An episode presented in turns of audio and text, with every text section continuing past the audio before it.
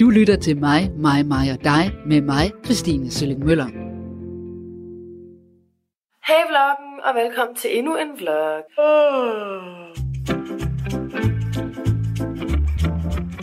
Jeg er nok træt lidt. Jeg tænker bare at gå i gang med dagen. Follow me around. What's not to like?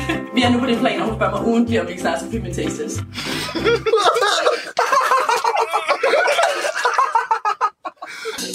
snakker om sex, solskin, venskab i vildskab, kærlighed og kæledyr. Ja, det synes bare pænt hver dag. De poserer frægt, reklamerer skarpt og laver fjollede jokes. Altså ikke for at svine pikke til, fordi pikke kan ting.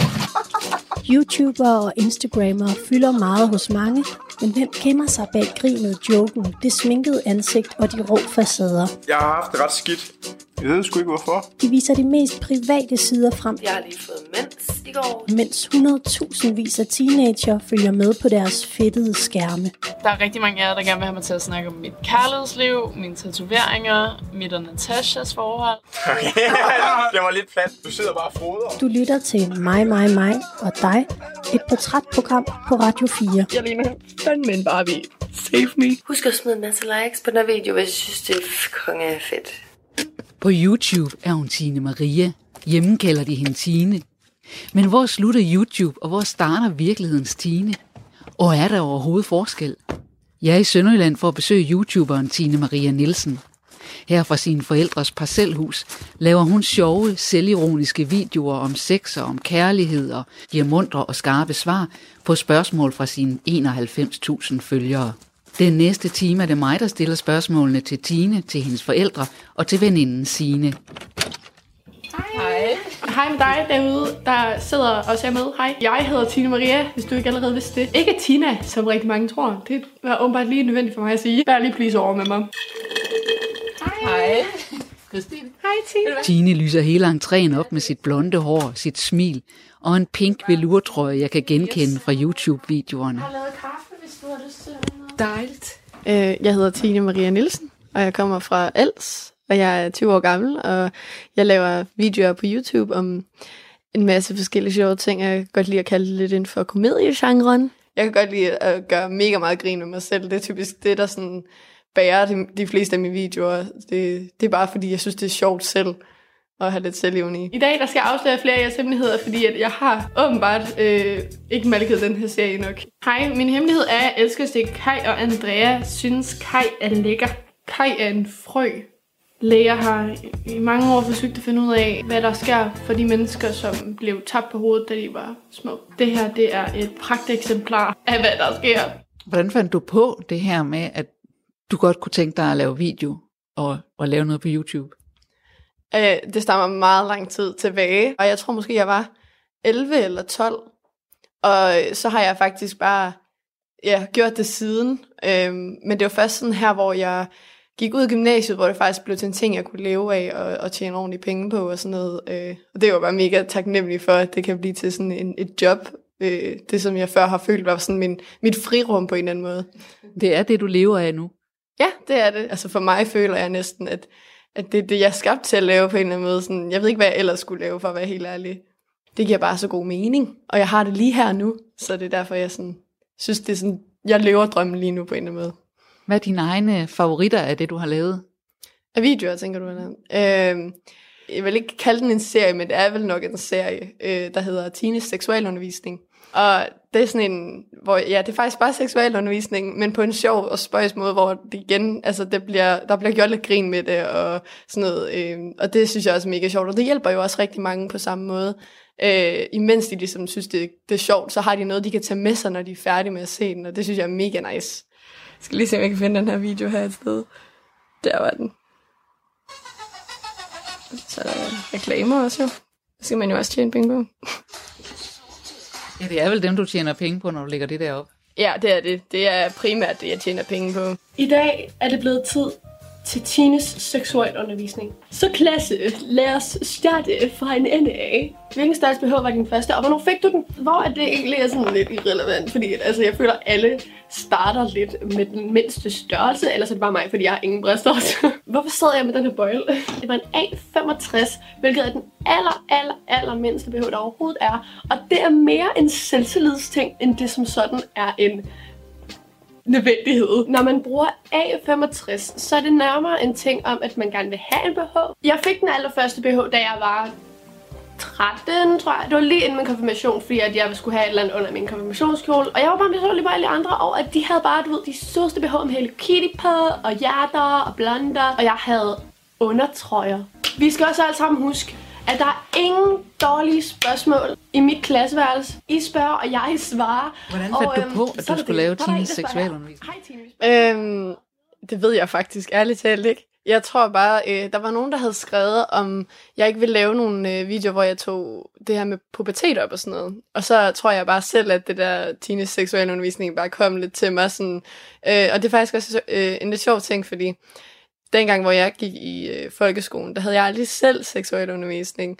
Og jeg følte altid, at der var så mange spørgsmål, jeg havde, som jeg aldrig kunne få svar på. Og så har jeg bare lavet den der lidt, fordi at jeg ved, at der er nogen, der ikke får de her svar. Og mange i skolerne, hvis det er, at de har seksualundervisning, så er, det, så er der stadig mange ting, de er i tvivl om, fordi der er meget følelsesladet ved, ved mange af de spørgsmål, der bliver stillet. Og det er der mange af de lærere, de kan ikke rigtig svare på det. De er mest sådan, sådan her kommer man et kondom på, og du ved meget det praktiske, øh, hvor jeg ligesom tager fat i nogle af de der ting, som går folk lidt på måske, eller som, som de er nervøse for og sådan noget. Og jeg tror også, det er derfor, at den her sag den er blevet så populær, fordi at folk de, sådan, de undrer sig jo, og selv lige meget hvor gammel man bliver næsten, så synes alle næsten, at det er sjovt, alt sådan noget sex-snak. Altså sådan, det er jo også det, folk har sagt i overvis, det er sex, det sælger jo.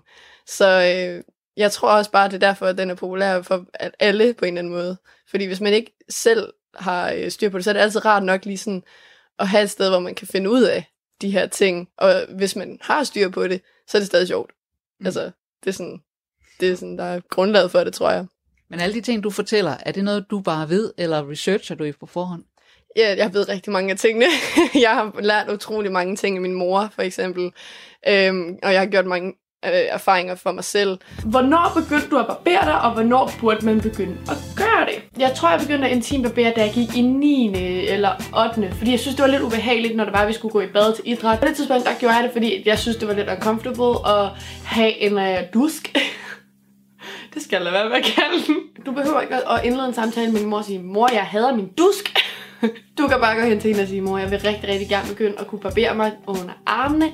Det kan hun i hvert fald godt forstå. Det er jeg ret sikker på. Jeg elsker at bruge mig selv som eksempel stadig, øhm, og jeg føler sådan en ting som, som BH og sådan noget, der, øh, der synes jeg ikke, det er så grænseoverskridende endda. Øhm, især også fordi nu snakker jeg om fortiden og sådan nogle ting, så jeg snakker jo ikke om, for, altså, hvilken størrelse BH jeg bruger den dag i dag og sådan nogle ting. Øhm, og det er sådan, jeg ved ikke, jeg har altid den der tanke med, at hvis der er nogen, der skal være til grin i min video, så er det mig selv.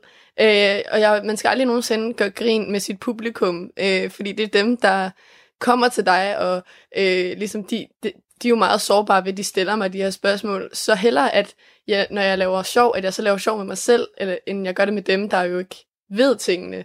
Netop den her serie er blevet så populær, fordi jeg netop også deler ud af mine egne erfaringer, frem for at jeg ikke taler op af, eller læser op af sådan en bog eller noget. Øh, de synes, det er lidt federe, tror jeg, at de har sådan en førstehåndskilde på en eller anden måde. Jeg kan også se den der, den er så har set, blevet set 155.000 gange. Ja, det er rigtig mange gange, synes jeg. Ja. Jeg, jeg fatter slet ikke nogle gange, at der er så mange mennesker, der sidder og ser med. Det, det er helt voldsomt. Jeg tænker slet ikke over tallet. Nogle gange så er jeg bare sådan, wow, det var der egentlig mange mennesker. Sådan, her sidst der sad jeg og kiggede på, hvor mange indbyggere der var i Silkeborg, tror jeg. Jeg har flere følgere end folk, der bor i Silkeborg. Det forstår jeg slet ikke.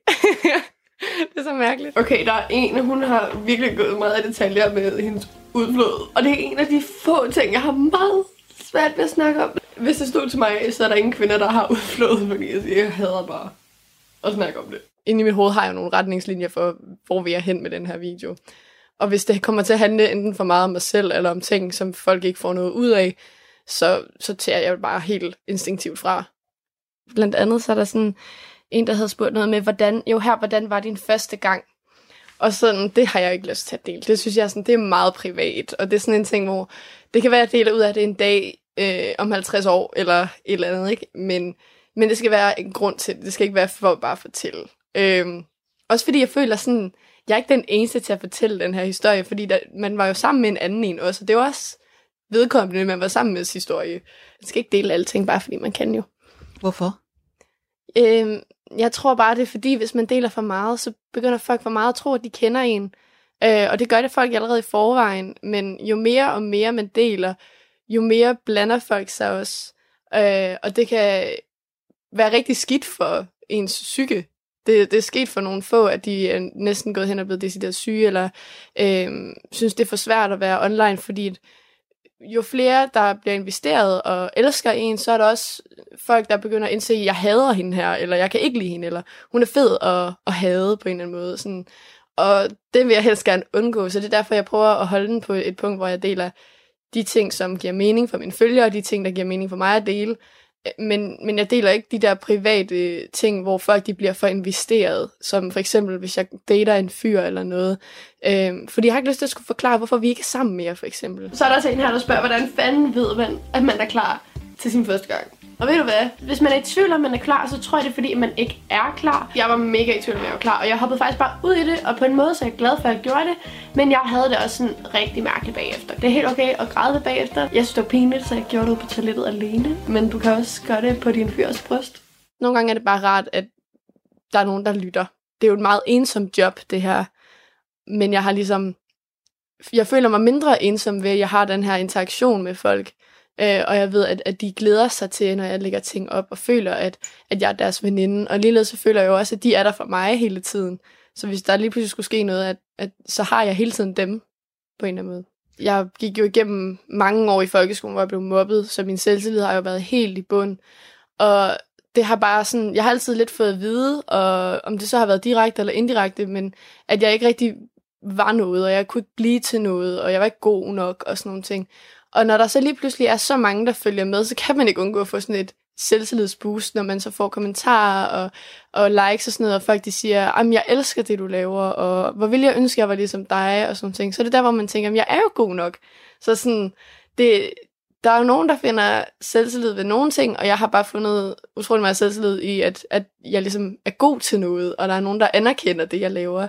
Så det er nok derfor, jeg har, jeg har sådan et godt forhold til dem, fordi de selv har hjulpet mig igennem noget, ligesom at de føler, at de har et forhold til mig, fordi at de føler, at jeg har hjulpet dem igennem noget. Og det var der ikke nogen i den virkelige verden, der gjorde på samme måde? Altså mine forældre var jo altid sådan, ej, men det er du god til, og sådan nogle ting. Øh, men jeg var også altid sådan, det skal de jo sige. Det er jo mine forældre. Altså, det var sådan, enten var jeg god til, eller middelmodig til en masse ting, eller så, så var jeg sådan, ikke god til det overhovedet. Så jeg følte bare sådan, jeg, der var ikke nogen plads til mig i verden nogen steder. Og så fandt jeg det her, og så var det bare som om, at alt, alle brikker faldt på plads, og så blev jeg bare sådan, du ved, det er bare, når, når noget føles så rigtigt, så, så kan man bare ikke undgå at være sikker på, at det er det, man skal, og så, så blev jeg bare så selvsikker lige pludselig, fordi jeg følte, nu har jeg styr på det. I dag, der har jeg tænkt mig at lave mig selv om til en Barbie. Første step for at ligne en Barbie, det er selvfølgelig, at man ser smuk ud allerede, inden man begynder. Det er jo ikke noget problem for os, fordi at vi er alle sammen vildt smukke. Barbie har i hvert fald ikke bumser, det er sikkert, jeg er ved at få en planet hernede. Når jeg sidder og snakker med dig her, så øh, ligner du egentlig meget den Tine Marie, jeg havde set på øh, YouTube. Altså, øh, du er god til at svare, du er veloplagt, du er sjov, du er skarp, du er sådan. Er det sådan, du er? Du ved, jeg føler i hvert fald, at at Tine Maria, som man ser på YouTube, primært er min sjove side. Man ser mig sjældent fra den der seriøse side, der som jeg har.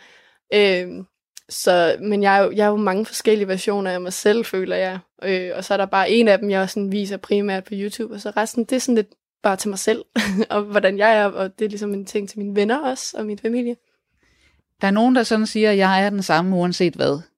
Øh, men du har fortalt mig, at du sådan skældner at du kan skælne lidt mellem den offentlige, eller YouTube-Tine Maria, eller, og den private Tine, eller hvordan? Prøv at forklare det. Ja, altså jeg skældner jo en gang imellem, men der er jo, altså, der er jo nogle punkter, hvor jeg er meget ligesom, som når jeg er på, øh, på YouTube. Øh, men så, altså sådan, blandt andet, hvis jeg sidder og, altså med mine veninder, de ved, at jeg er på en helt bestemt måde, og øh, når, vi, når, når snakken så nogle gange falder på YouTube, så bliver de sådan, ej, det er så mærkeligt nogle gange at se dig på YouTube, fordi du er sådan helt anderledes, siger de nogle gange. Og så er det, det er nok fordi, man påtager sig sådan en eller anden form for værtsrolle også. Øh, og jeg tror slet ikke, det er noget, man tænker ret meget over. Og jeg tror simpelthen ikke på, at der er nogen i, i hele verden, som laver YouTube-videoer, som er nøjagtigt den samme øh, i virkeligheden, som de er på YouTube. fordi altså, der, der er bare nogle sider, man ikke viser af sig selv, og man er jo ligesom nødt til at fortælle en historie eller et eller andet, og den, man har jo ikke den samme tilgang, når man snakker med folk normalt. Så på den måde, der er det sådan, der synes jeg meget, at vi er forskellige, mig og Tine Maria, men ja, vi er jo, hvad kan man sige, to sider af samme person. Jeg er Tine Maria, der altid er glad og sådan noget på, på YouTube, og for eksempel, når jeg går ud på gaden, så er jeg sådan, der, der kan jeg godt nogle gange have lidt svært ved at navigere rundt i det, fordi at hvis jeg så har en rigtig dårlig dag, så er jeg sådan, så føler jeg jo bare, at jeg er Tine. Og ikke sådan mega meget i humør til at snakke, men så kommer der måske en op og siger, ej, er det ikke dig fra YouTube? Og så er jeg sådan, uh, jeg skal lige slå over i, i hende, de kender, fordi jeg vil jo ikke have lyst til at, at skuffe dem og føle, ej, hun er jo bare slet ikke den, som hun er. Barbie elsker alt lyserød. Noget af det, som Barbie laver rigtig meget af, det er blandt andet at køre rundt i sin lyserøde bil. Skal vi ikke bare uh, tage en tur? Se en beauty. Nu her skal vi faktisk ud og køre en tur, og vi skal hen og besøge en af dine veninder fra det virkelige liv, som mm, hun ser ikke så meget dig på YouTube, eller hvordan? Nej, fordi vi snakker bare ikke så meget om det, på en eller anden måde. Det er ret sjovt. Men øh, skal vi køre? Ja, det synes jeg. Uh, jeg skal lige have min nøgle med. Yes. Ellers kommer vi ikke ret langt i hvert fald. Nej, hvis det er bilnøglen, du tænker på. Det er det nemlig. Og den har du lige købt. Ja, det, er, det var lige et, lidt, lidt et impulskøb, faktisk. Men Nå, det var, øh, det var faktisk, fordi jeg har gerne vil have en bil længe. Jeg var ret sent til at få mit kørekort. Det var sådan lidt en protestting, jeg havde, at det, det nægtede jeg bare. Men så efter jeg fik mit kørekort, så var jeg bare sådan, "Nu- skal jeg have en, for jeg elsker at køre bil. det er jo ikke en diskret bil. Nej, jeg, jeg synes, det var... Altså, det var enten det eller en gul bil. Øh, jeg elsker, at folk de ser mig. det er nok også det. Du sådan- elsker, at folk ser dig. Jamen, jeg elsker bare sådan, at, at, at ligesom skille mig ud, tror jeg. Det har jeg altid gerne ville. Uanset altså, hvor, hvor gammel jeg har været, så har jeg altid gerne ville skille mig ud og være lidt ekstra på en eller anden måde. Sådan, da jeg var lille, der øh, de andre, de tog til fester i, du ved, sådan en, en eller anden fin kjole, de har fundet i en eller anden børnebutik. Men jeg tog sådan en prinsessekjole på, jeg havde fået af min mormor, som egentlig skulle forestille at være et kostume, ikke? Som jeg, så dukkede jeg op til de der fester og dansede som det, ikke? Det er bare fordi, jeg altid sådan har elsket at udtrykke mig igennem mine ting. Kan du ikke lige beskrive den til dem, der ikke kan se den? Uh, det er en, en pink Fiat 500. Um, og det er sådan en sød lille tøsebil. Og så er den faktisk, den har lyserød interiør også, og lædersæder med lyserød stikning i, og oh, ja. det hele. Så den er meget tøset.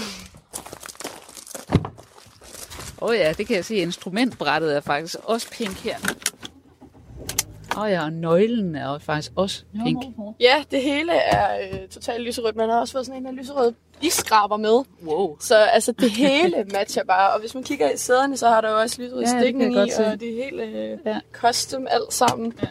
Så, øh, Altså, var- du kan jo faktisk ikke køre i den her bil, hvis ikke du selv matcher. Nej, og det er jo også det, altså sådan, de første par dage efter jeg fået den, der var det øh, sådan, der tænkte jeg meget over, at det skal jo passe til min bil, det er på. det kan jo ikke være anderledes. Nu skal vi op besøge din veninde, Signe. Ja. Hvad kan du sige om hende på forhånd? Det sjove med mig og Signe, det er faktisk, at vi lærte hinanden at kende i mange år, inden jeg startede på gymnasiet med hende. Fordi vi havde gået på kunstskole sammen. Så vi har faktisk kendt hinanden i sådan 7-8 år. Men hun har også kendt dig fra den tid, hvor du gik i skole og blev mobbet, eller hvad? Ja, hun kunne godt huske lidt, at jeg, jeg havde det svært dengang. Øhm, men det var ikke sådan... Typisk så var det ikke noget, jeg snakkede sådan mega meget om til folk, når jeg var til fritidsinteresser og sådan noget. Det var øh, mange gange, så var det ting, jeg holdt hemmeligt for folk, der ikke vidste fordi... Altså, det var jo ikke ligefrem en, en, et sjovt minde, jeg havde lyst til at genleve hver eneste gang, jeg havde fri fra skole. Sådan, det var jo svært nok at komme og møde op i skolen. Så at skulle snakke om det hele, når jeg så også havde fri, det, det magtede jeg ikke. Det kom lige hurtigt op, og så var jeg hurtig til at lukke det igen. Og det har jeg stadig den dag i dag, hvis jeg siger til folk, at jeg er blevet mobbet, så bliver de meget sådan, åh, ej, hvor ærgerligt, og vil du snakke om det, og sådan noget. Og jeg er bare sådan, nej, det vil jeg faktisk egentlig ikke. Altså sådan, fordi det er overstået, og, og jeg har det godt den dag i dag, og jeg har ikke behov for medlidenhed eller noget. Det er også derfor, det ikke er blevet til en, en kæmpe ting på min kanal heller, at jeg er blevet mobbet eller noget. Folk, sådan, det er blevet nævnt et få gange, men det er ikke blevet gjort til en stor ting overhovedet. Jeg vil helst gerne undgå, at, at det bliver til en ting. Hvorfor det? Jamen, fordi jeg gider ikke at være offer. Jeg vil hellere øh, vise folk sådan, det her det er, hvad der sker, når du kommer ud på den anden side. Og, øh, ligesom, at det var ikke ved, og den her mobning her, det, det er jo ikke noget sådan, det er ikke dig. at blive mobbet. Altså det er ikke min personlighed, at jeg blev mobbet engang. Så du føler ikke, at det har ikke defineret dig? Overhovedet ikke. Og det synes jeg også, at det er den indstilling, de fleste skal have. At man skal ikke være sammen med de her mennesker, der er ledet mod dig hele dit liv. Så du kan lige så godt bare komme videre i det øjeblik, at du ikke skal være sammen med dem mere, fordi så kan du finde dig selv, og du kan være den person, du gerne vil være. Jeg gider bare ikke at, at hele tiden gå rundt og tænke over de mobber, jeg havde engang, fordi de er da ikke værd at skænke en tanke. Altså, og jeg gider da heller ikke have, at de skal have den der øh, sådan, hvad kan man sige, glæde ved, øh, at de kan sidde og se mig være ked af det på kamera, stadig den dag i dag, selvom det er mange år siden, at det skete. Det, så vil jeg hellere have, at de bare er sådan et, åh, oh, det var ikke så fedt, at vi mobbede hende dengang. Fordi nu har hun det nice-agtigt. Altså, nu går det godt for mig og sådan noget, ikke? Nå, men øh, det var en tangent ud fra Sine. Ja. Hvad kunne du godt have lyst til at spørge Sine om, når du har mig med med en mikrofon? Øh, jamen, jeg gad faktisk godt at vide, hvad hun sådan går rundt og tror, at, øh, at mit job det sådan rigtig indebærer. Hvor, altså, fordi jeg snakker ikke så meget med hende om det. Øh. Hvorfor gør du ikke det? Jamen, altså, det er jo ligesom, jeg føler bare sådan, også dengang jeg gik i skole, når jeg havde fri, så gad jeg da ikke at snakke om skole. Så, så har man det fri, så skal man da snakke om noget andet. Og så er det lidt ligesom med mit arbejde. Men også, altså, jeg gider bare heller ikke, at det skal være hele min person, at jeg laver det, jeg gør. Og så også bare generelt, så holder jeg mig egentlig meget i sociale sammenhænge for at snakke for meget om det, fordi også bare generelt folk, der ikke kender mig ret godt, hvis jeg begynder at snakke med dem omkring det, så stiller de en masse spørgsmål og sådan noget, og jeg har bare ikke lyst til at, at virke arrogant, fordi det er der mange, der sådan får en eller anden idé om, at, øh, at man er arrogant, lige så snart man har mange følgere, og det synes jeg jo bare overhovedet ikke passer. Så derfor så holder jeg mig gerne fra at snakke om det, fordi jeg bare ikke sådan har lyst til at blive stemplet. Så er vi fremme. Ja. Hej. Hej du. Men hvordan tænker du, hvis du skal beskrive uh, Tine som, som type, som person? Hvad vil du så uh, sige om hende? Jamen, jeg tror, hun er en af de veninder, jeg altid går til, hvis jeg skal have lidt spas og løjer. altså, det er jeg glad for. Jeg er hende en sjov veninde. Vi er altid, altså vi hygger altid, vi griner altid. Og hvis jeg skal have en god kop kaffe, så er hun lidt min kaffeveninde. Øhm, der er jo altid en snak over bordet, kan man sige. Føler jeg føler også typisk, at det er der, jeg går til, hvis jeg vil have den der meget eksistentielle snak, på en eller anden måde. den dybe snak. Ja, altså sådan, vi snakker om alt. Altså sådan, og vi kan snakke om seriøse ting, og vi kan snakke om useriøse ting. Nu interviewer jeg jo Tine, fordi hun er YouTuber og influencer og sådan. Er det noget, du interesserer dig for? Om jeg interesserer mig for det? Nej, det tror jeg egentlig ikke, jeg gør. Men for at være helt ærlig, så nej. Men øh, jeg er i hvert fald i den forstand, at, øh, at jeg interesserer mig for, om det går Tine godt. Fordi jeg ved jo, det er noget, hun gør karriere af. Hun laver YouTube og sådan nogle ting. Og jeg vil gerne se hendes videoer. Det synes jeg er mega hyggeligt. Det er selvfølgelig underligt, men jeg synes, det er Jeg var faktisk ikke så klar over, at du så min video. Det er sådan, jeg føler aldrig, at min venner Men jeg synes, det er super spændende at følge med, hvordan det går der. Fordi allerede dengang på kunstskolen, der kan jeg huske, at du, du sad faktisk og lavede videoer. Ja, det og det synes jeg, det var underligt. Jeg synes, det var mega underligt, fordi jeg kender hende jo ikke som uh, pigen, der laver YouTube. Det er ikke sådan, jeg kender dig. Mm. Jeg kender det hende som min veninde, jeg mødes med. Det er underligt at se hende på en computerskærm. Skal vi ikke sige det sådan? Og så, så se hende i virkeligheden, som jeg kender hende. Okay. Det er ikke den samme person næsten. Jeg har købt en bil. Den er lyserød, og så er der sikkert rigtig mange derude, der sidder og tænker, hvorfor har du gjort det? Og øh, svaret til det er, fordi jeg kan. Altså, du laver meget sådan nogle forskellige videoer, hvor for eksempel den med Barbie og, og bilen. altså, det er jo ikke som sådan det, vi sidder og snakker om, når vi snakker om ting. Det er det dyreste, jeg nogensinde har købt. Det var så nøjeren, men jeg er så glad for den. Tak fordi du så med i den her video. Jeg håber, at du kunne lide den, og jeg håber, du kunne lide min bil, og jeg håber, du kunne lide præsentationen af den. Jeg har set Tine på, på, på gaden, og i Sønderborg, der kan man vel godt sige, at hun Folk ved godt, hvem du er. Og vi har da gået forbi nogle folkeskoler, hvor folk så sidder og altså, vinker til dig og kalder dit navn. Og det er jo mm. netop nogen, der er, altså, er et andet sted, end vi er. Hvem er din målgruppe? Jeg har et, super bredt publikum, men det er faktisk, jeg tror næsten, jeg hellere jeg vil sige, at jeg har et publikum, der svarer til sådan 8-15, i stedet for 15-20, som jeg jo egentlig havde tiltænkt til at starte med. Øh, og det er også derfor, at jeg er nødt til at, at vælge min snakke meget med omhu, fordi sådan, jeg har jo ikke lyst til at skræmme nogen, jeg har ikke lyst til at tage noget op, som folk ikke er klar på, og, og som kan gøre nogen altså, kede af det, bange, eller flove, eller hvad ved jeg ikke. Jeg sad faktisk også lige og tænkte over sådan, fordi jeg har jo egentlig ikke rigtig haft dig med i ret mange videoer. Du har sådan mm. lavet et kort visit en gang, ja. kan Men det er, sådan, det er jo ikke fordi, at, at mine veninder sådan rigtig styrer ret meget mine videoer. Øh, øh, har du nogensinde egentlig sådan tænkt over sådan, ej, jeg vil, jeg vil godt være med, eller ej, jeg har egentlig ikke så meget lyst til at være med, eller hvordan er det egentlig sådan, at, at altså, Det med at, at have mine veninder med. Jamen, jeg, jeg tror egentlig, at jeg altid har tænkt, at egentlig så synes jeg, det, det er dit, dit arbejde. Og jeg, hvis du gerne vil have mig med, så vil jeg gerne være med. Jeg for eksempel jeg kan godt lide at hjælpe, hvor jeg kan hjælpe et eller andet sted, for hvis du har brug for det. Det er da også hyggeligt. Mm. Men jeg tror for mig, så er det igen en, en, en retning, du er gået i, og ikke en retning, jeg er gået i. Altså, hvad er fordelene ved at, at skille tingene ad? Altså, jeg ved i hvert fald godt, hvorfor jeg gør det. Øh, det lyder sådan lidt. Jeg gider ikke at fortælle om det. Nej, men jeg, jeg gør det, fordi jeg er sådan... Du ved, altså, og det lyder også bare så lidt arrogant, ikke? men det er fordi, der er bare nogle mennesker derude, der de synes seriøst kun, at jeg er værd at kende, fordi jeg laver det her, som jeg gør, og har mange følgere, ikke også? Og det har jeg oplevet før, og jeg har kottet de mennesker væk, fordi jeg synes, det er irriterende. Øh, men det er også derfor, altså, når jeg kan mærke på folk, at de er ultra interesserede i mit YouTube, så føler jeg, at det er den eneste grund til, at de vil være mine venner. Og ikke at, at de synes, jeg er mega sød, eller mega sej, eller øh, grinerne at være sammen med, men fordi at jeg har en eller anden form for status, eller sådan noget. Og det er sådan, det, det er også derfor, jeg sætter så meget pris på, sådan at jeg kan ligesom adskille det, fordi at, at så ved jeg, at mine venner kan lide mig, fordi jeg er Tine, og at de synes, jeg er sød at være sammen med, og sådan noget, og de gider at blive ved med at være sammen med mig, fordi de synes, jeg er sød, og ikke bare fordi de vil have noget, på en eller anden måde. Mm. Det kan jeg egentlig godt følge dig i, altså et eller andet sted.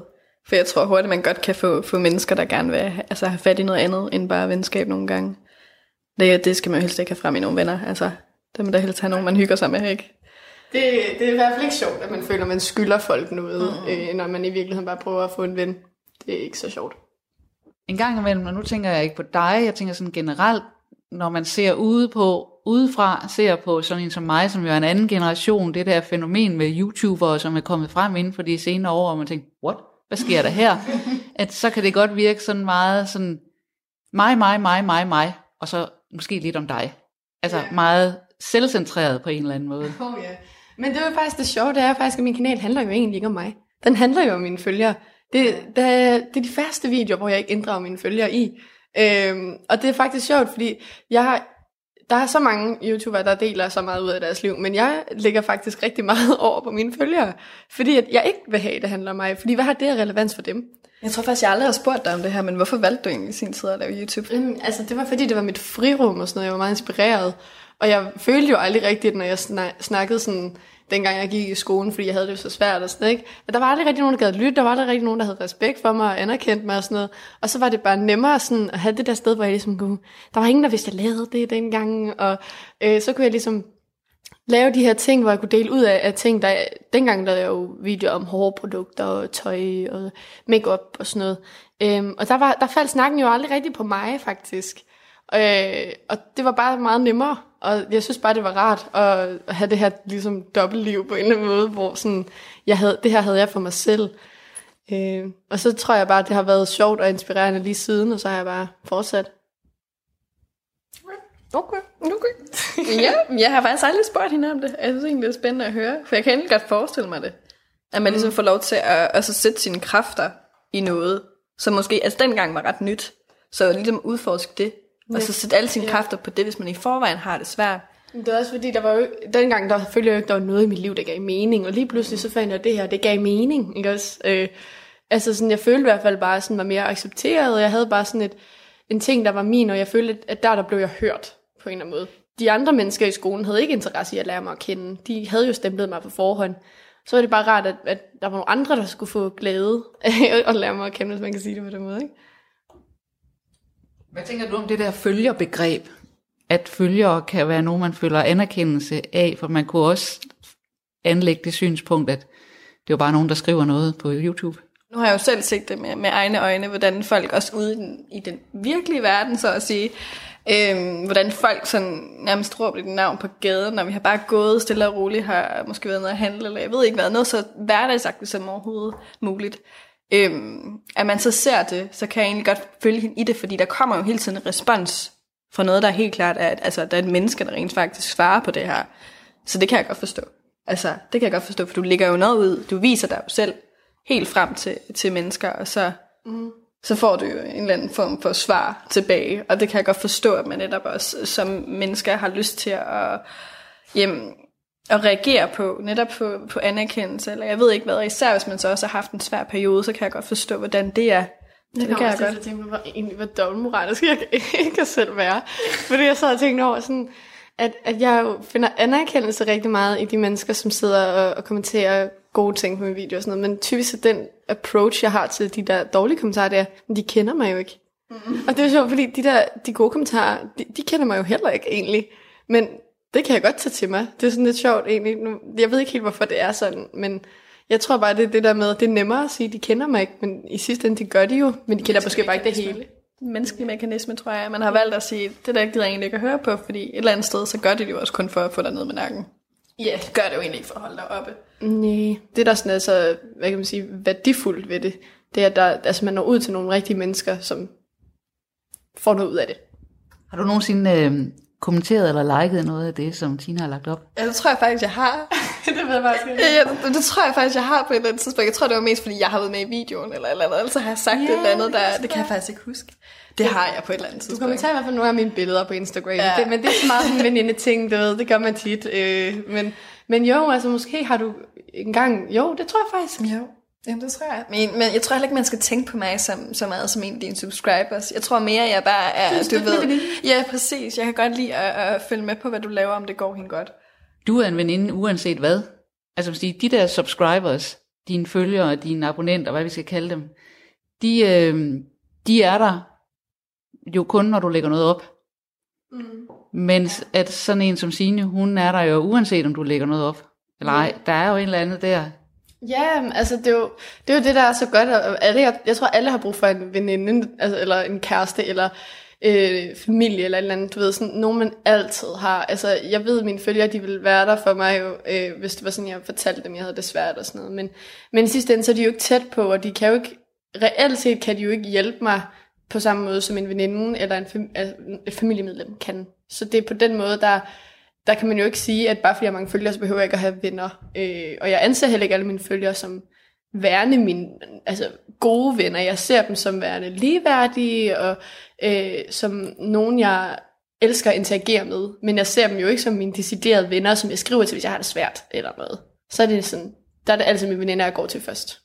Så jeg kender hende fra, fra dagligdagen. Altså, det kunne jeg godt forestille mig lidt anderledes, end at, kende nogen fra, fra igennem de sociale medier. Jeg tror, de har svært ved at sætte sig ind i Tine, når de kun ser de her 15 minutter, eller hvad det nu er. Mm. Så tror jeg, det er svært at sætte sig ind i en hel person, som ligesom er tilgængelig 24-7 hver dag. Det er også sådan lidt svært jo også, altså sådan for, fordi at de kender jo mig, men jeg kender jo ikke dem, og sådan, det er rart at snakke med nogen, man kender. Mm. sådan, altså, det er også det, der er sådan lidt sjovt. Det er sådan, at der er mange, der får den der idé om, at de ved, hvem jeg er, og de går jo hen til mig på gaden og sådan noget. Men det er jo også, på mange måder er det jo også helt vildt mærkeligt, og nogle gange også lidt grænseoverskridende, fordi man interagerer med så mange fremmede mennesker. Og det er jo altså sådan helt vildt mærkeligt at tænke over, at, sådan, at der er fremmede mennesker, der ved nøjagtigt, hvem jeg er. Øh, men jeg ved ikke noget om, dem. Altså, jeg ved ikke, hvor de bor. Jeg ved ikke engang, hvad de hedder, nogle af dem. Altså, sådan, det er sådan, så er det bare nogle gange rart, at man har nogen, man, man kender, øh, og som ligesom er på en eller anden måde sådan en, en stabil ting, at, at der er ikke noget, der ændrer sig for dig. Jeg ved præcis, hvor du er, og sådan noget. Det, det var lidt bedre at have sådan noget, end, end sådan, at så har man lige den ene følger, man snakker med den ene dag, og den anden følger, man snakker med den anden dag, og sådan noget. Ikke? Mm. Men der er vel også en forskel i, at øh, sige, dine følgere, de ved noget om dig, og det er sådan ud fra dit udgangspunkt, I snakker. Du kender jo ikke dem. Men når du er sammen med dine veninder, som med sine, så handler det heller ikke kun om dit udgangspunkt, men så handler det også om sines udgangspunkt. Altså at du skal lytte og lære hende at kende og forstå hende. Det er ikke kun dig. Ja, og det er også, altså, jeg ved også, Signe, hun kan også altså, sige til mig, hvis der er noget, jeg gør galt, eller hvis hun siger sådan, ej, til nu, nu lige, du ved, hold mig lidt i ørerne, eller et eller andet, ikke? Hvor sådan rigtig mange følger, de er jo sådan, på mange måder kan man jo egentlig godt sige, at de er lidt blændet af den der med sådan, at ah, men de snakker med, med mig, og de har set mig på YouTube, og de synes jo, jeg er mega sej og sådan noget. Ikke? Øhm, at, at de siger jo næsten egentlig bare det, de, de håber, jeg gerne vil høre. Hvor rigtig mange gange, der vil jeg jo egentlig bare gerne høre sandheden. Og hvis, øh, hvis jeg er forkert på den, så vil jeg også gerne have, at folk bare siger det. Men det er jo sådan lidt, ja, hvis jeg for eksempel mødte en, jeg var kæmpe fan af, og de spurgte, ved du hvad, nu skal du høre den her historie, og så skal du fortælle mig, om det er mig, det er galt med, eller hende, det er galt med. Så havde jeg selvfølgelig altid været på mit idols side. Det er jo klart, for man er sådan helt blændet af det, ikke? Så det er sådan, der ved jeg bare, at Signe, hun, hun er ikke fan. Altså, om ikke andet, så er hun næsten det modsatte. så sådan, det er bare meget federe, fordi hun kan være sådan ærlig og være sådan, nå, hør her, Tine, du gør det der forkert, eller et eller andet, ikke? Jeg er jo en, en ven, hvor venner de kommer sgu nogle gange med nogle konstruktive ting, end hvad, hvad man gør. Det tror jeg, du har helt ret i. Det tror jeg ja. ikke, der behøver at uddybe så meget. Og det har hun også brug for nogle gange, at der er nogen, der siger sådan. Det tror jeg bestemt også. Det tror jeg, vi alle sammen har. Jeg tror nogle gange, vi har behov for lige at høre, at øh, ved du hvad, du er sgu ikke altid på den rigtige side. Fordi det, det, det er du aldrig jo. Ja, vi er mennesker, vi fejler. Det gør vi alle sammen. Yes. Klogt sagt. Jo, tak. det er egentlig ikke noget, vi som sådan snakker om. Nej, og det er også bare sådan, jeg føler bare altid, det er mig, mig, mig, mig, mig. agtigt. Og nogle gange kunne det bare være rart nok, at det, det Ja. kunne også godt. det kommer Jeg ved ikke, det var rart. rart. Nå. Men let's get going. Yes. Hej, hej.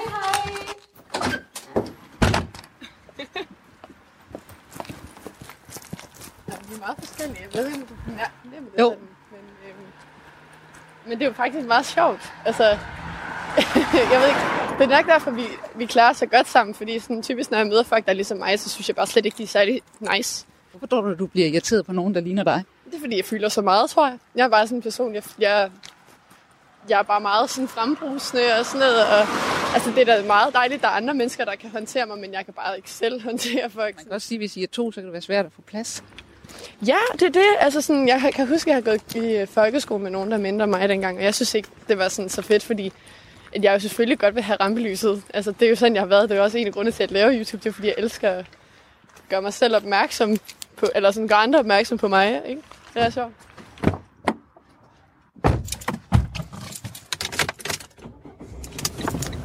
Nej, det pinlige ved at køre i sådan en her bil, det er faktisk, at sådan, jeg er den eneste hernede, der har sådan en. Så sådan, hvis jeg fucker op i trafikken, så er de meget sådan, hende en pink bil, hun kører så dårligt. og så, så bliver jeg bare stemplet. Det er sådan det eneste, der er så godt ved det. Men øh, Ja, du skal ikke parkere et sted, hvor der er ulovlig parkering. Så ved man godt, at det er Tine. ja, yep, øh, det er ikke så sjovt. Men det er, sådan, det er også meget sjovt, fordi jeg får mange sådan billeder og sådan noget fra folk, hvor de sådan, ej, er det her dig? Og, og det synes jeg vildt. Hold da, der var nogen, der skreg. Ja, de kiggede efter dig derovre. Jamen, det kan det godt være. Der er nogen, der genkender mig. Det ved jeg ikke. Nå. Der er sådan nogle ting, hvor sådan, jeg, man ligesom... Det var ting, man gjorde en gang, men det gør man ikke så meget mere. Sådan, jeg snakkede med en af mine venner om det her sidst. Han sagde, at han var for eksempel stoppet med at gå ned med pantflasker.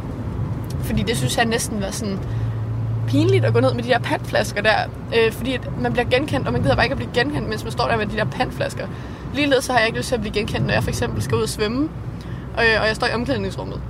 Øh, fordi sådan, jeg, der, der står jeg og er mega sårbar, og sådan, jeg ved ikke, det er sådan, der hvor man er totalt mega meget menneske, fordi jeg har en eller anden idé om, at folk ikke rigtig sådan, tænker så meget over, at vi også er mennesker, der har en dagligdag, der skal hænge sammen og alle de her ting, og så kan man godt nogle gange selv blive lidt øh, blændet af det der med, at man skal, man skal vist, at man har det der altså, perfekte liv, og det har man jo ikke. Altså, alle skal ned med pandflasker, og alle skal klæde om i, øh, i svømmehallen, hvis de skal ind og svømme og sådan noget, ikke? Så du klæder ikke om i, den, i det fælles omklædning? Jeg klæder altid om ude på toilettet.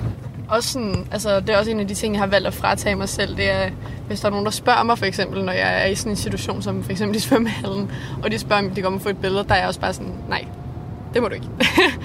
der, der er nogle steder, hvor man bare ikke, altså, der, der kan man bare ligesom ikke rigtig slå over på det rigtige måde, fordi man er så ufor, altså ukomfortabel. Og lidt springe til noget andet. Hvad laver dine forældre? Øh, min mor, hun er programmør, og min far, han er... Jeg er ikke helt sikker, øh, hvad han laver. Øh, men han laver også noget med nogle computer noget. Okay. Men altså, er, jeg er sådan lidt det sorte for i familien, fordi min bror, han studerer også noget programmering og sådan noget. Øh, sådan, jeg er den eneste, der ikke rigtig laver det der IT noget. Altså, sådan, jeg laver vel noget med computer, men det er jo ikke, det er overhovedet ikke det samme. De er faktisk meget mere sådan nogle anonyme mennesker. De, øh, de er ikke så meget for alt det der spotlight, som jeg så godt kan lide at være i. Det er sjovt, hvordan jeg har det sådan. Også hvis de har en snak om et eller andet computer noget, og jeg kan bare slet ikke være med, så kan jeg godt føle lidt sådan, okay, passer jeg ind her? Men de er jo min familie, og jeg vil altid passe ind. Altså, så det er ikke fordi, jeg føler, at jeg, jeg skiller mig så meget ud, at jeg ikke kan være der overhovedet. Altså. Så er vi hjemme igen. Yes. Hej mor. Jeg er lidt lav på idéer lige nu, så jeg laver lige en Q&A, det håber jeg også er okay. Ud fra hvor mange spørgsmål, jeg fik sendt ind på Instagram, så tror jeg, at I har nogle spørgsmål, som I godt vil have svar på. Så hvis du selv sidder derude og tænker, wow, jeg vil gerne have svar på det, det og det, så er du mere end velkommen til at hoppe ind på min Instagram. Den ser sådan her ud. Den er, Du blev student for et år siden, og så flyttede du til København, og, og så flyttede du hjem igen. Ja, det var nok egentlig også den, noget af det, jeg synes, der er allersværest. Det der med, sådan, jeg har været i storbyen, hvor der skete noget hele tiden. Jeg havde, jeg havde arbejdskollegaer, der boede derhen og sådan noget. Øhm, og, og en hel del af mine venner var jo derhen. Der er jo rigtig mange, der laver YouTube, der, der bor i København. Og øh, så var det bare sådan, der var altid noget at lave. Der var altid mennesker at være sammen med. Og så kommer jeg her hjem, hvor jeg har været vant til at styre mit eget liv ved at bo øh, ude og alle de her ting. Det, nogle gange kan det godt være lidt, lidt svært. Øhm, især det med at flytte hjem igen, synes jeg ikke var sådan alt for sjovt. Men altså, jeg har mine forældre, jeg har min kat, så sådan, det er ikke fordi, jeg er helt alene. Hvorfor var det, du flyttede hjem? Det var min udlejer. Han var ikke så sød. det, er en sådan, det faktisk en meget lang historie, men jeg har lavet en hel video omkring det. Hej alle sammen, og velkommen tilbage til min kanal. Mit navn er Tine Maria. Som I nok kan se, så sidder jeg et nyt sted, og det er på grund af, at jeg er flyttet. Og jeg har ikke tænkt mig at afsløre, hvem min udlejer han er ved navn, fordi det ville være super tavligt. Og øh, derfor så vil jeg at kalde ham for menstruationskrampen. Han var rigtig træls. Men nu er du så hjemme på dit gamle værelse. Ja, det er sådan lidt, lidt spøjst. Jeg, altså, min mor, hun er ikke bange for at spørge mig sådan, øh, ja, men øh, er der nogen fyre, eller noget, øh, eller er du kaster med ham der, eller noget, men, men der er sådan, jeg, jeg, ligesom med, med YouTube og sådan noget, så har jeg ikke behovet for at dele alting med dem, øh, og de har heller ikke behov for, at jeg deler alting med dem, eller noget. Men hvad for et forhold har du egentlig til dine forældre? Er det rigtig godt? Er der noget, du godt kunne tænke dig at spørge dem om, som I ikke sådan ellers går og snakker om til daglig? Jamen, jeg, jeg har aldrig rigtig spurgt dem om det med, at, at jeg, øh, at jeg jo laver YouTube, og jeg ikke umiddelbart har planer om at få en uddannelse. Jeg kunne faktisk rigtig godt tænke mig, hvis jeg kunne gå igennem mit liv uden en. Øhm, Altså en uddannelse? ja, fordi jeg har aldrig været ret god til det der med at sidde og lære. Det har aldrig været den måde, jeg har lært på. Jeg vil godt høre sådan, hvad de sy- synes om det, fordi jeg føler bare lidt, at det altid har ligget lidt i kortene, at nu hvor jeg laver YouTube, at, at så er det det, jeg gør, og sådan noget, og så kan uddannelsen formentlig vente, ikke? Eller aldrig nogensinde komme, hvis det skulle være det. Og det har jeg aldrig rigtig spurgt dem omkring, hvad de synes om. Hvorfor har du egentlig ikke det? Er det fordi, du ikke har brugt dig om svaret, du vil få? Øh, jamen altså, jeg, jeg, jeg ved det ikke. Jeg, jeg tror bare, jeg har følt, at de altid lidt har bare været sådan, ja ja-agtigt, men jeg ved, at de har en eller anden holdning til det. Jeg tror bare ikke, de har sagt det, fordi jeg måske ville blive irriteret. Dengang jeg fortalte dem, at jeg godt ville lave YouTube på fuldtid, der, der blev vi meget uvenner og sådan noget, fordi de havde ikke helt opfanget signalet om, at det var det, jeg ville, og er det nu det, og kan du tjene nok på det, og du ved, der var meget skepsis omkring det, så jeg tror sådan, at de også mere har holdt den samtale væk, fordi at, den er ikke så sjov at have. Det med, at jeg er single, er lidt blevet til en ting, og det er blevet til en joke. Man skal ikke føle, at man nøjes med noget. Man skal finde en kæreste, som man selv er forelsket i, som man selv er rigtig glad for, og som er lige så glad for en, som man er for dem. Og det er det, jeg godt kunne tænke mig. Man kan ikke fremtvinge det, man kan ikke lede efter det. Det er noget, der bare kommer på et tidspunkt, og derfor skal man bare tage det lidt med ro. Hvordan var Tine, da hun var lille? Hvad synes du, far? Du har altid godt kunne lide at blive hørt. Og øh, vi får tit at vide, at vi skal tige stille, fordi hun er lige ved at fortælle noget, men det er hun hele tiden. Tines forældre, Lone og Claus, har sat sig i stuens sorte lædersofa ved siden af Tine. Hun har trukket benene op under sig, så hun hviler hagen på knæene, mens hun kigger på sine forældre. Hvad synes I sådan om, altså, at jeg ikke er ligesom alle de andre, og ikke er taget på universitetet, og egentlig heller ikke rigtig lige har de store planer om det? Vil I gerne have, at jeg tager en, en uddannelse eller sådan noget? Øhm, jamen, både ja og nej. Altså, øhm, det kan godt være lidt skræmmende, at, øh, at du ikke har noget med i, i bagagen. På den anden side set, så er det jo lige nu, du skal smide mellem hjernen. Mellem hjernen. Mens hjernen, ja, mens hjernen er varm. Fordi det er jo det, du, øh, det er jo, du laver jo det, du er god til. Og har fundet det, og du kan nogle ting, som der er, som andre folk ikke kan. Og du er på sådan en, en uopdyrket mark, kan man sige, hvor du, du prøver at gøre nogle ting, som, som der er ikke mange, der kan lære dig noget. Du, du lærer til gengæld andre folk noget. Så det synes jeg egentlig, at det er faktisk mere vigtigt, at du går den vej, end at du går på skolebænken, hvor du måske ikke uh, kunne gå hen og få så meget succes, det ved jeg ikke. Mm. Hvis bare du laver det, du gerne vil. Den dag, du ikke har lyst til at lave det her mere, så skulle du også stoppe med det. Mm. Og øh, med hensyn til uddannelse, jeg har en uddannelse, som jeg ikke arbejder med. Øh, jeg har valgt at gå en anden vej, efter jeg var færdig med den. Så det der med at tage en uddannelse, det betyder ikke nødvendigvis, at det er så det, man skal arbejde med. Bare bliv ved med at lave det, du gerne vil. Og når du ikke har lyst med, så skal du også være stor nok til at, du, du er stor nok til at sige, det vælger det her. Men du skal også være stor nok til at sige, nu vælger jeg ikke mere. Frygter ikke sådan, at, at altså, fordi lige nu, der har jeg sådan god succes og sådan noget, men, men vi ved jo egentlig ikke, om det sådan fortsætter og sådan noget. Er ikke sådan, altså, fordi det er i hvert fald en tanke, jeg gør mig, at jeg er bange for sådan, at lige pludselig, så ender jeg bare med at, at du ved, om, om 20 år, så er jeg hende, den fede, der øh, er på kontanthjælp eller sådan noget, ikke? Altså, det er bare mere det der med sådan, at, at det, det lige pludselig, altså, det, det tegner godt, men det bare ikke ender godt. Jeg, jeg, jeg ved ikke, om I har den samme bekymring, det har jeg i hvert fald. Nej, jeg har ikke den bekymring. Fordi det har du for meget drive til. Okay. Det tror jeg ikke, at øh, du, du ender der. Fordi du arbejder hårdt for det her. Det, det, der bliver virkelig knoklet igennem. Og øh, jeg tænker også, at hvis du så finder ud af, at det her det er ikke noget, du har lyst til, så har du altid et eller andet nyt i støbeskeen. Det er ligesom, om du kommer altid et eller andet skridt i en eller anden retning.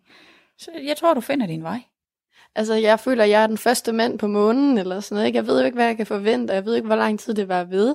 Og så om 20 år, så er jeg med i sådan et, hvor er de nu, program, ikke? Altså sådan, det har jeg bare ikke lyst til. Jeg vil gerne have, at det kan tage mig videre og videre og videre og videre. Øh, og forhåbentlig, at jeg kan kunne lave det her resten af mit liv. Det ville jeg jo rigtig godt, ikke? Tine, hvis vi, hvis vi skulle gå og bekymre os om den slags med dig, så kunne vi ikke lave andet. Men, men selvfølgelig er der der nogle tanker om, at er det det, hun skal lave resten af livet? Og det håber jeg da ikke. Jeg håber da, at hun udvikler sig undervejs, så hun finder nogle nye ting, og hun finder nogle nye veje at gå, og måske finder noget andet, som måske også er lige så godt for hende, som hun bliver lige så glad for. Altså, der er ingen, jeg kender, jeg kender i hvert fald ikke nogen voksne mennesker, der har syntes, det var sjovt at have det samme job i 40 år. Øh, man, skal, man skal skabe sine egne muligheder, og så længe hun bliver ved med det, så er jeg ikke bekymret.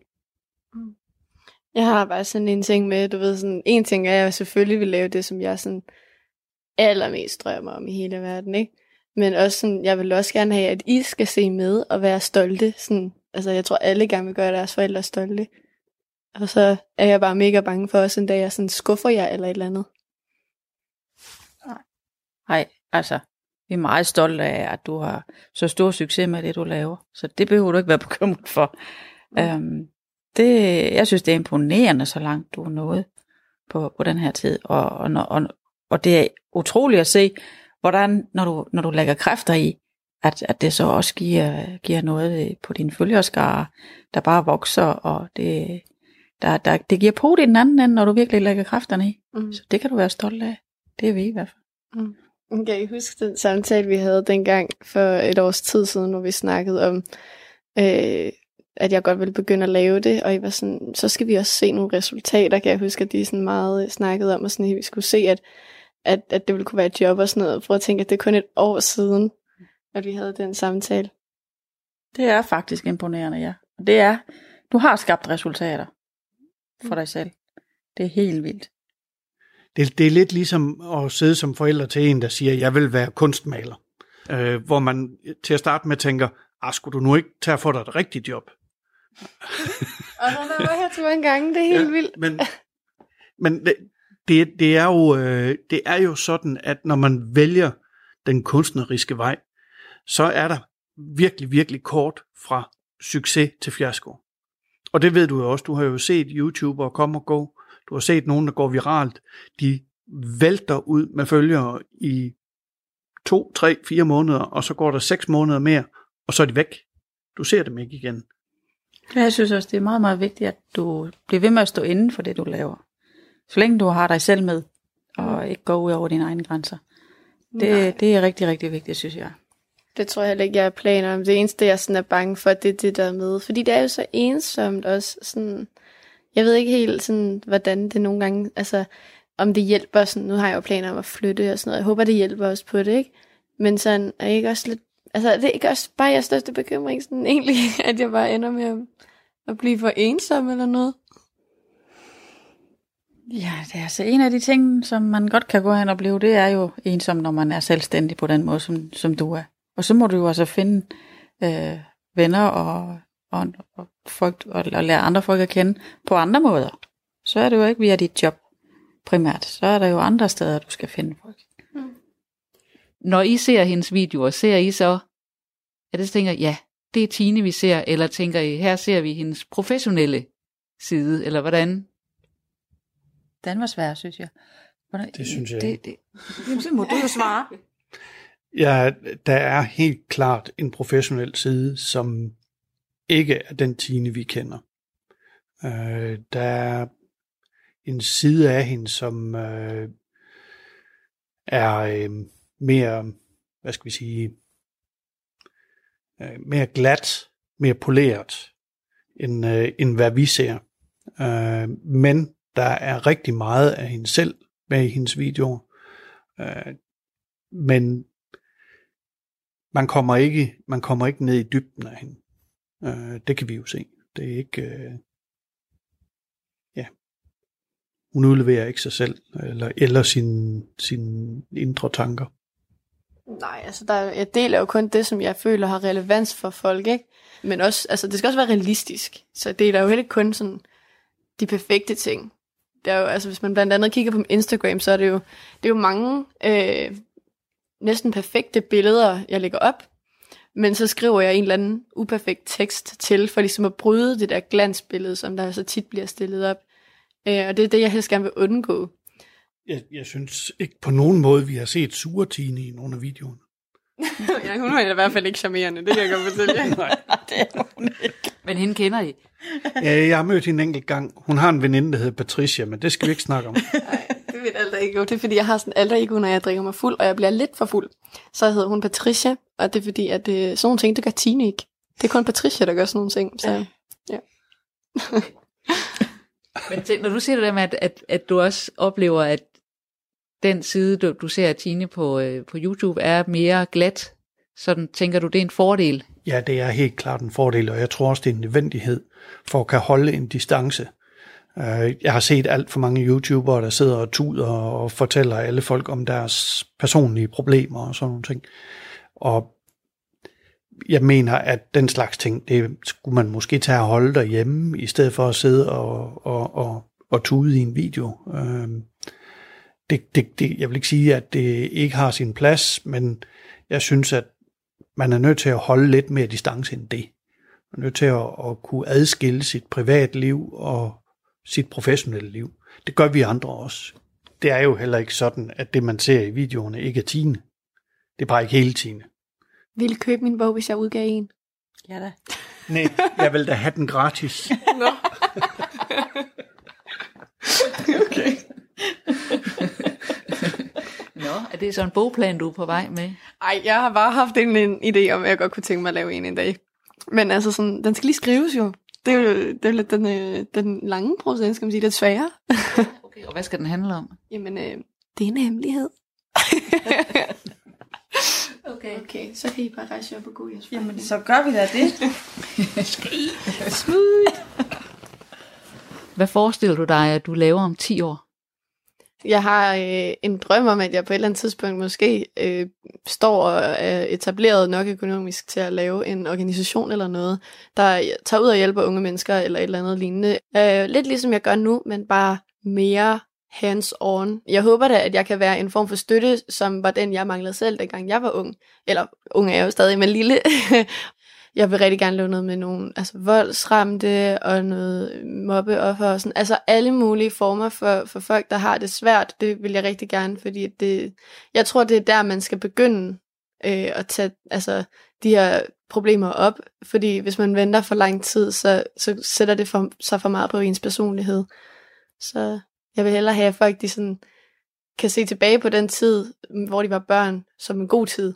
Der er en her, der har skrevet, jeg fucking gider ikke at shave. Hvad vil hankønnet have? Er der et alternativ? Jeg ved ikke, hvad hun mener med et alternativ til at shave. Du kunne prøve at blege det og farve det en blot farve, hvis du vil. Jeg har aldrig hørt om en fyr, der har afbrudt et samleje, fordi pigen hun havde hår dernede. Hvilken idiot, der ved, at der er fisse i nærheden, at det er sådan, at der er hår på den, så jeg går min vej. Hvor er logikken i det? I udsendelsen medvirkede YouTuber Tine Maria Nielsen, hendes veninde Sine Osjelka, samt hendes forældre Lone og Claus Nielsen. Christine Sølling Møller har tilrettelagt. Du kan også høre portrætserien her, mig, mig, mig og dig, på podcast og her på Radio 4 igen næste søndag kl. 10.05. Jeg håber, I har lært noget nyt. Jeg håber, at I er blevet glade og øh, sådan nogle ting. Øh, pas på jer selv, når I har sex. Og med det sagt, brug altid beskyttelse, og husk at have en dejlig dag. Tine out.